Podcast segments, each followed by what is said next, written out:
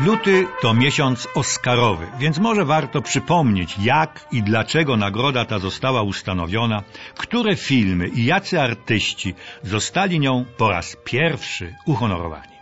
Historia tej nagrody zaczęła się dokładnie przed 80 laty. Przypomnę, lata 20 to w Ameryce, w Hollywood, szaleńcza epoka jazzu.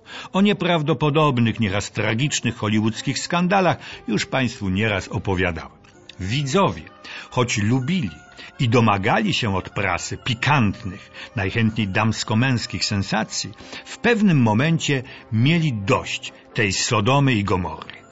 Takie stanowisko publiczności groziło poważnymi konsekwencjami finansowymi, to znaczy gwałtownym spadkiem frekwencji w kinach. Sprawa miała jeszcze dwa inne istotne aspekty. Po pierwsze, szykowała się rewolucja dźwiękowa, a to wymagało dodatkowych, ogromnych pieniędzy. I z tego hollywoodzcy bosowie doskonale zdawali sobie sprawę. Po drugie, i tego nikt nie był w stanie przewidzieć, zbliżał się katastrofalny, wielki kryzys gospodarczy. Hollywood musiał się opamiętać i zewrzeć szeregi. Jednym z ważnych, pokazowych i prestiżowych posunięć było powołanie do życia 1 stycznia 1927 roku Akademii Sztuki i Wiedzy Filmowej.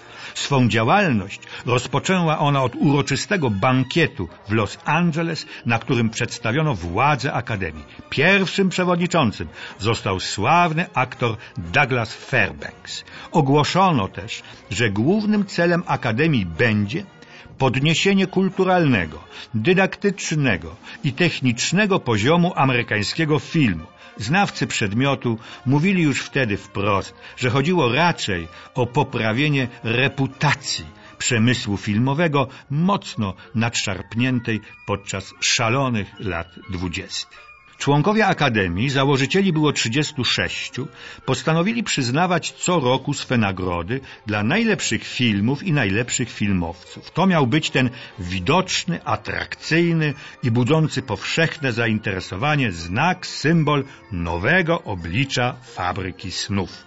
Trzeba przyznać, że manewr się udał. Udała się też sama nagroda. Jest nią, jak wiadomo, statuetka rycerza, który stoi na rolce taśmy filmowej i oburącz trzyma wielki miecz skierowany w dół. Statuetka wykonana jest z brązu, pokrytego warstwą dziesięciokaratowego złota. Warta jest od 300 do 400 dolarów, w zależności od aktualnej ceny tego cennego, żółtego, błyszczącego, miękkiego, kowalnego, ciągliwego metalu.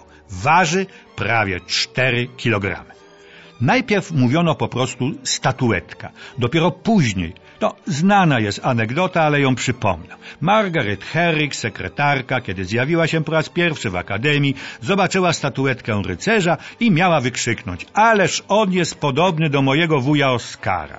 Świadkiem tego wiekopomnego wydarzenia był pewien dziennikarz, który użył określenia Oskar w swoim artykule. Nazwa się spodobała i jak widać została na trwale przyjęta.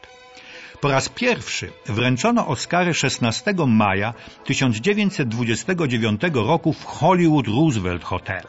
Podstawowymi kategoriami były wtedy najlepszy film, pierwszoplanowy aktor i aktorka, drugoplanowy aktor i aktorka, najlepszy reżyser, scenarzysta, scenograf, kompozytor, operator i montażysta.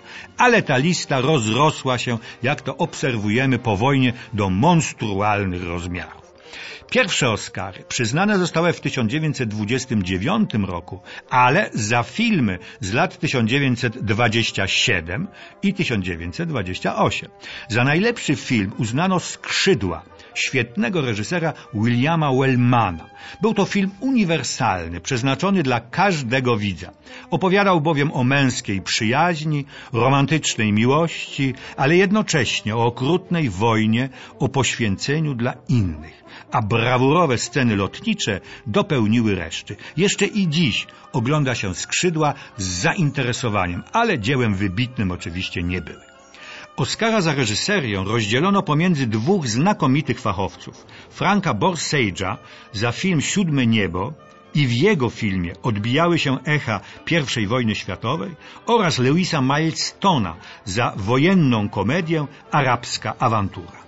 Emily Jannings uznany został za najlepszego aktora. Ten niemiecki aktor stworzył wyraziste i urozmaicone kreacje w dwóch filmach Ostatni rozkaz i Niepotrzebny człowiek. Oscara jako najlepsza aktorka otrzymała Janet Gaynor aż za trzy wspaniałe role w filmach we wspomnianym już Siódmym Niebie, za Anioła ulicy, tegoż Franka Borsage'a oraz za wnikliwie, fantastycznie zagraną główną bohaterkę w arcydziele niemego kina Wschód Słońca, niemieckiego mistrza Friedricha Murnała.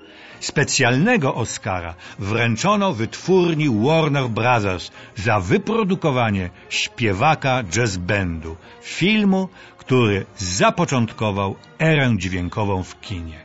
A największym przegranym był geniusz filmowy Charles Chaplin, który za swój film Cyrk otrzymał zaledwie mało znaczące wyróżnienie.